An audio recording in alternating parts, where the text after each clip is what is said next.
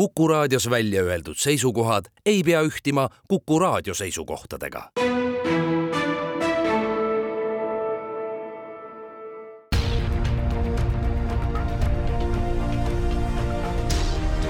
uue samba taga. sammaste taha aitab vaadata sajaaastane eestikeelne rahvusülikool tere, tänase saate külaliseks on inimgeograafia teadur Kadi Kalm, keda usutlemas Madis Ligi ja me võtame jutuks koolikeskkonna, täpsemalt siis selle rolli elukoha valikutes täiskasvanu eas, sellepärast et ülikooli inimesed on seda uurinud ja vaatame siis meil ringi ja vaatame ka natukene meilt kaugemale. kas uurisite koolikeskkonna rolli elukoha valikutes vaid Tallinnas või mujal Eestis ka? Tere, kõigepealt äh, meie oma analüüsis äh, keskendusime Tallinna linnaregioonis elanud ja õppinud inimestele, et selles mõttes siis ainult Tallinna linnaregioon. see uurimus on üldse seotud ühe laiema uurimisprojektiga, segregatsiooni nõiaringist, ja, ja kuna Äh, suur osa Eesti venekeelsest elanikkonnast elab Tallinna linnaregioonis, siis otsustasime lihtsalt äh, võtta just, äh, just selle ruumilise üksuse analüüsi. kas taolisi teadatahtmisi on varem ka olnud, taolisi uuringuid? Sarnaseid uuringuid on tehtud, on tehtud valdavalt Ameerikas, et Euroopas tegelikult üsna vähe. Ja, ja selliseid uuringuid, kus on vaatluse all siis kogu rahvastik või, või meie siis vaatasime kogu seda kohorti, kaks tuhat viis, kaks tuhat kuus aastal lõpetanud inimesi, tegelikult selliseid ütleks, et, et ei ole üldse tehtud, et valdavalt on keskendutud küsitlusuuringute tulemustele, et, et meie siis vaatasime kogu rahvastikku, et, et, et see on selles mõttes selline, arvan, üsna uuenduslik analüüs kui paljude pealt see informatsioon kogunes? kuna me tegime üsna palju siis selliseid äh, oma uurimisküsimusest tulenevaid otsuseid, nagu ka see, et, et me vaatasime just Tallinna linnaregiooni ja me näiteks tahtsime keskenduda just äh, venekeelses keskkonnas elanud äh, inimestele ja, ja, ja sealt tuli veel, veel lisaks selliseid äh, nii-öelda filtreerimisi. Äh,, siis lõpuks oli meil viie tuhande alla neid inimesi, kes meile sinna analüüsi jäid kas uurimise seisukohalt oli tähtis ka, et kas need inimesed on nii-öelda meie venelased siin sündinud, on nad tulnud Peipsi tagant või kusagilt mujalt või venekeelne inimene on venekeelne inimene? venekeelne inimene on venekeelne inimene, et me võtsime e-, emakeele järgi äh, välja, et, et kelle emakeel äh, on, on vene keel ja kes elas siis äh, Tallinna linnaregioonis venekeelses keskkonnas, et et selle me defineerisime ka ise ära, et, et millised asumid selle definitsiooni alla siis kuulusid. Et, et võib-olla täpsustan siis, et need, need olid siis need asumid, kus elas rohkem kui nelikümmend protsenti kogu selle asumi elanikkonnast olid venekeelsed, et, et need olid siis meie jaoks need venekeelsed naabruskonnad mis eas inimestele te oma fookuse suunasite? Need ongi need inimesed, kes kaks tuhat viis ja kaks tuhat kuus aastal lõpetasid üldhariduskooli, ehk siis noored.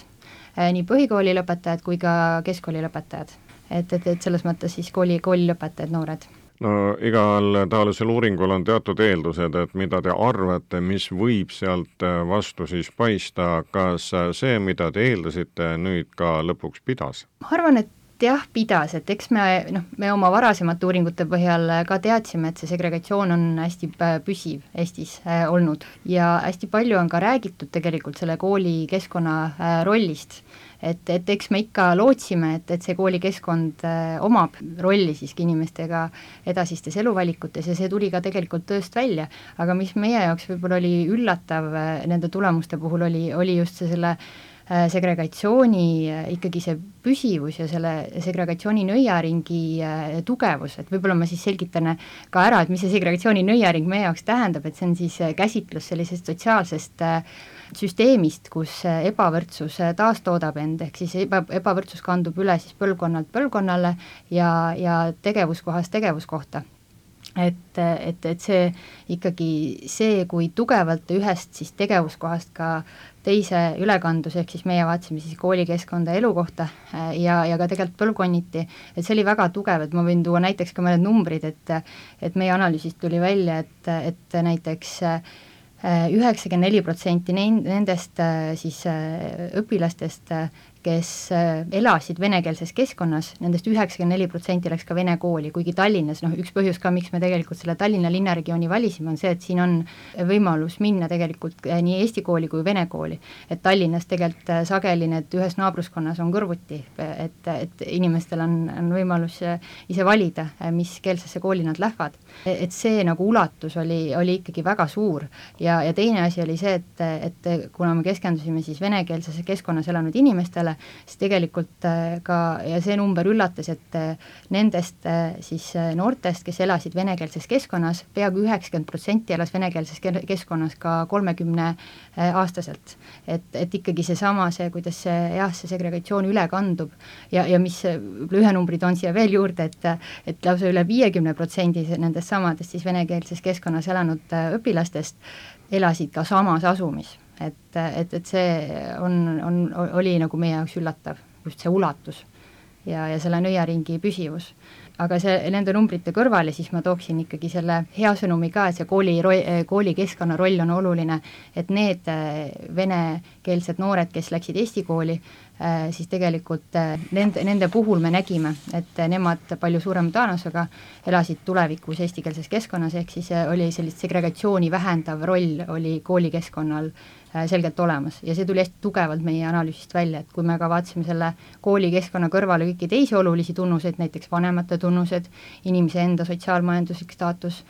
äh, integratsioonitunnused, et see koolikeskkond oli igal pool oluline. võib-olla need on need põhi, põhiasjad. Seega slaavi verd inimesed hoiavad väga hästi ja tihedalt kokku ning teevad seda pika aja jooksul, et kui on koolis käidud koos, siis hiljem ka ei lahkuta sellest keskkonnast just, jaa, et, et need sotsiaalsed sidemed ka paistsid seal, me küll seda niimoodi otseselt ei saanud vaadata, aga, aga kõik need tunnused, mis näitasid sellist äh, sotsiaalsete sidemete olulisust, näiteks ka partnerlussuhe, et need äh, tulid ka hästi tugevalt välja, et, et näiteks see, segaabielus olevad inimesed äh, ka äh, palju siis suurema tõenäosusega elasid tulevikus eestikeelses keskkonnas või, või siis nagu vähem segregeerunud keskkonnas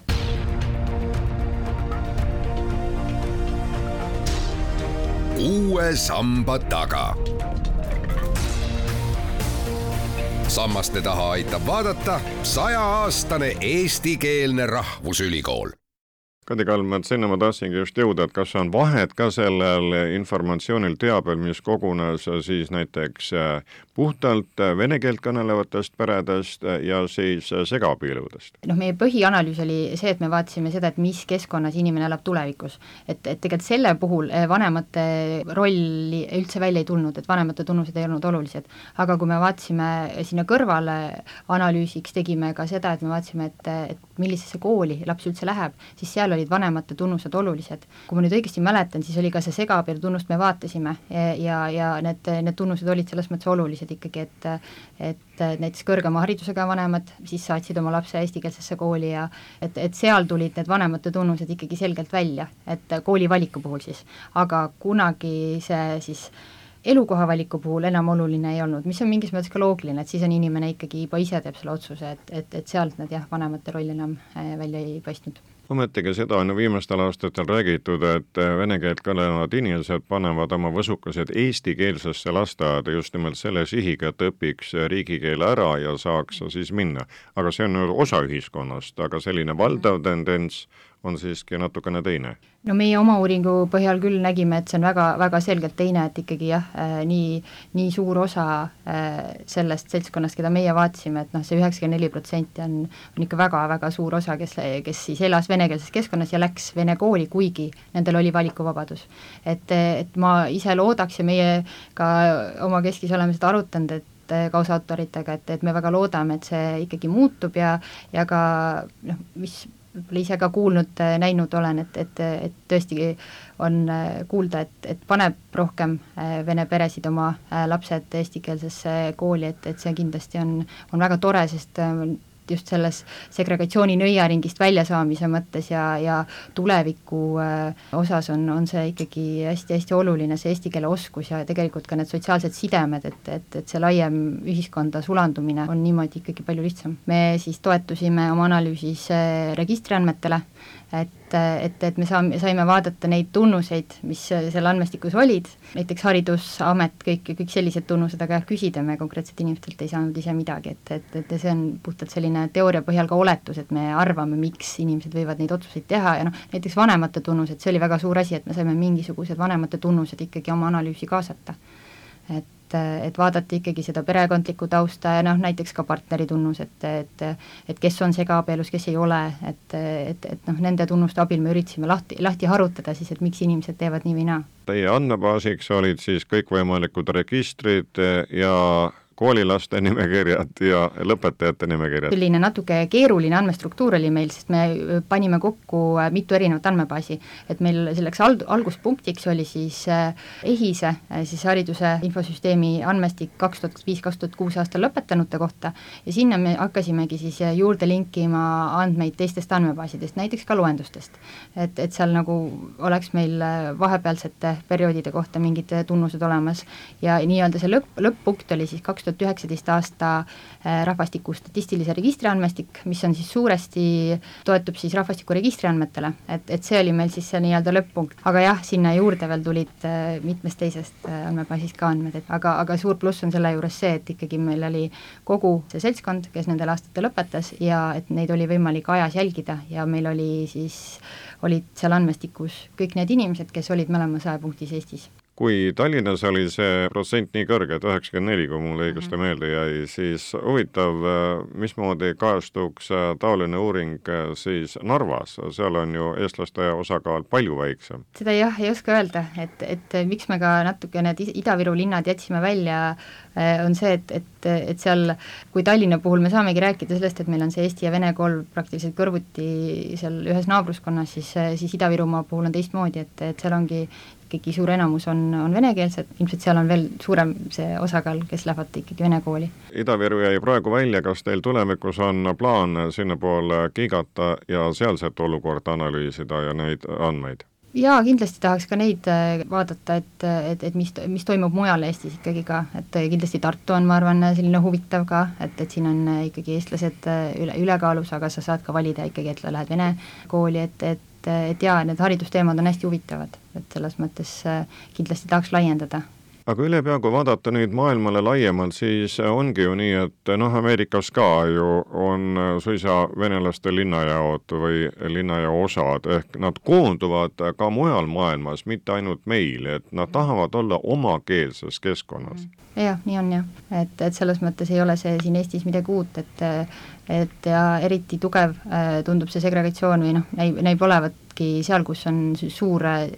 siis vähemusrahvus, nagu ka Eestis, et, et et kuna noh, näiteks kui ka ta-, Tallinna näitel, et, et siin peaaegu Eesti, Eesti venekeelseid on kui niimoodi üldistada, siin peaaegu pooleks, et, et kui meil on selline suur vähemusrahvus, siis tegelikult võib-olla see eh, sellest integratsioonist või sellest äh,, inimesed võib-olla näevad, et, et, et noh, see polegi nii palju väärt, et noh, meil on nii suur niisugune oma rahvuse kogukond, et, et, et noh, et ei näegi seda väärtust, miks ma peaksin lapse panema üldse eestikeelsesse kooli, et, et ma arvan, et sellistes ühiskondades, kus on see suur vähemusrahvus, on, on need äh,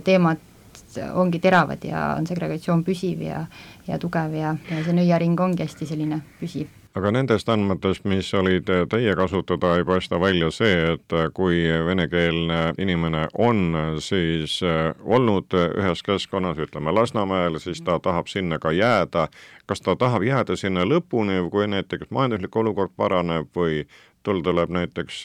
eestlastest sõpru rohkem, et siis ta on valmis kolima ka mujale või kus on kand maha löödud, sinna ta jääb? see ongi hästi erinev, et,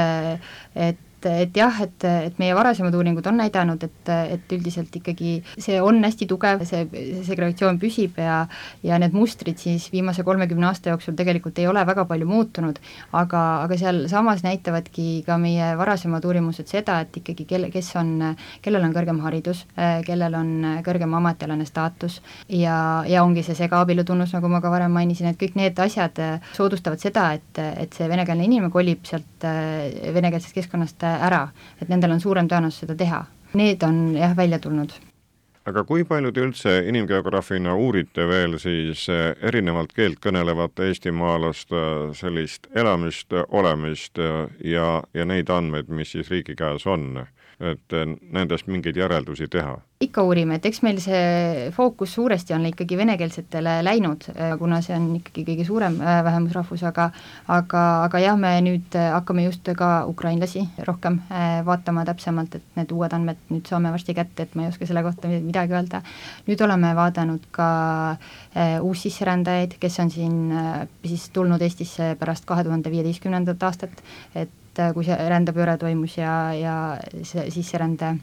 Äh, saldo on, on positiivne, et, et kuna meil on nüüd tulnud rohkem sisserändajaid, siis, siis oleme ka neid vaadanud, kes nad on, kus nad elama asuvad, et et, et siin ka Tallinn torkab hästi palju silma ja, ja kesklinn ja just need ka mäed, et et ikka, ikka neid teemasid ka vaatame aga teie lähenemisprintsiip on ikkagi see, et te saate kasutada ja analüüsida neid andmeid, mis siis riigipaberitesse on maha jäänud, kui inimene on näiteks sisse kirjutatud, kui ta on asunud õppima või elama, siis on seal kirjalik nagu info olemas? no meie toetume jah Statistikaameti andmetele, et need, mis äh, Statistikaameti käest äh, kasutada saame, palju oleme kasutanud rahvaloenduste andmeid, nüüd ka kaks tuhat kakskümmend üks aastal tuli, tuli uus loendus välja, et oleme nüüd ka uue loenduse pealt analüüsi teinud. Ja nüüd iga-aastaselt äh, saame ka registriandmed enda kätte, rahvastiku statistilise registri andmed, et seal ei ole ainult rahvastikuregistri andmed. Et, et jaa, selles mõttes suured individuaalandmebaasid, kus on, kus on siis ka andmed erinevatest registritest äh, kokku jooksnud, et, et jah, sellised suured kogu rahvastikku hõlmavad tänase jutu kokkuvõte võiks siis olla see, et ikkagi sellel omakeelsel, antud juhul venekeelsel kogukonnal on ka hiljem elamise koha valikul väga oluline roll, et, et need protsendid on ikkagi väga kõvad, lähenevad sajale mm. -hmm. et kui on vene koolis käinud, siis ta tahab ka venekeelses keskkonnas edasi olla jah, nii tundub jah, et äh, kui inimene elab äh, venekeelses äh, lapsena, siis näiteks venekeelses keskkonnas, ta läheb venekeelsesse kooli, seal jäävad needsamad sellised sidemed, sotsiaalsed sidemed on, on seotud ka ühe kogukonnaga. Ja, ja sealt läheb seesama nõiaring edasi, et ma arvan, et just see nõiaringi nii-öelda termin ja see käsitlus on selles mõttes siin päris hea, et, et et, et see kandubki elukohast, tähendab koolist elukohta, siis tööturg, et, et kui eesti keelt ei omandata koolis, et, et siis on ka keeruline saada head töökohta, kohta, tihtipeale on ka seal keeleks vene keel, et, et niimoodi see kandub edasi ja ja üks asi on see, et see kandub tegevuskohast tegevuskohta, aga see on ka väga selgelt on näha, et see on põlvkonnast põlvkonda, et ikkagi vanemad ju teevad laste eest tegelikult selle otsuse, et et kus kooli minna. ja noh, ikkagi see kooli valik äh, on väga, väga oluline. meie uuring ka ikkagi selgelt näitab, et sellel koolikeskkonnal on seda segregatsiooni vähendav roll ja see omakorda jälle aitab neid lapsi tulevikus rohkem, et nendel on võimalus näiteks ülikooli minna, kuhu ei saa ilma eesti keele oskuseta tegelikult hästi, et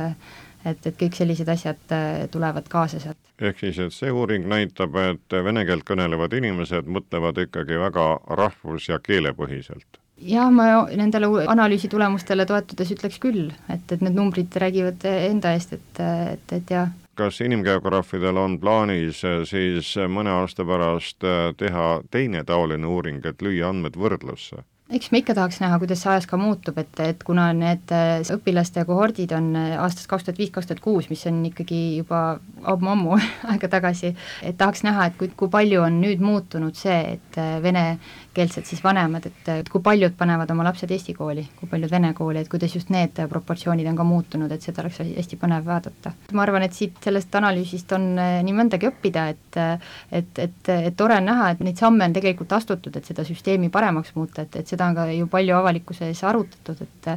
kuidas, kuidas segregatsiooni vähendada ja, ja see, et, et tuleks see kakskeelne koolisüsteem selles mõttes, et tuleks seda muuta. et, et need sammud on nüüd tehtud, eestikeelsele õppele püütakse üle minna, aga, aga siin ma võib-olla nagu veel mainiksin seda, et üks asi on see eestikeelsele õppele üleminek, mis on ka hästi suur asi, aga aga hästi oluline on ka see, et need eesti- ja venekeelsed noored omavahel suhtleksid, et just need kontaktid äh, ka tekiksid, et, et, et oluline oleks panna nad selles mõttes ka ühte kooli õppima, et, et, et noh, meie ka vaatasime ju seda, et, et kui vene noor läks Eesti kooli ja sellest oli, oli tal selles mõttes, äh, oli kasu, aga jah, et, et üks asi on see eestikeelne õpe, aga jah, rohkem nagu kuidagi tekitada neid kontakte äh, kahe rahvusrühma vahel on, on ka hästi oluline. Need vahetud kontaktid on hästi olulised. aitäh teile, inimgeograafia teadur Kadi Kalm, usutleja oli Madis Ligi.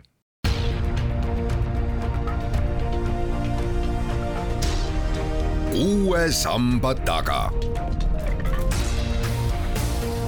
sammaste taha aitab vaadata sajaaastane eestikeelne rahvusülikool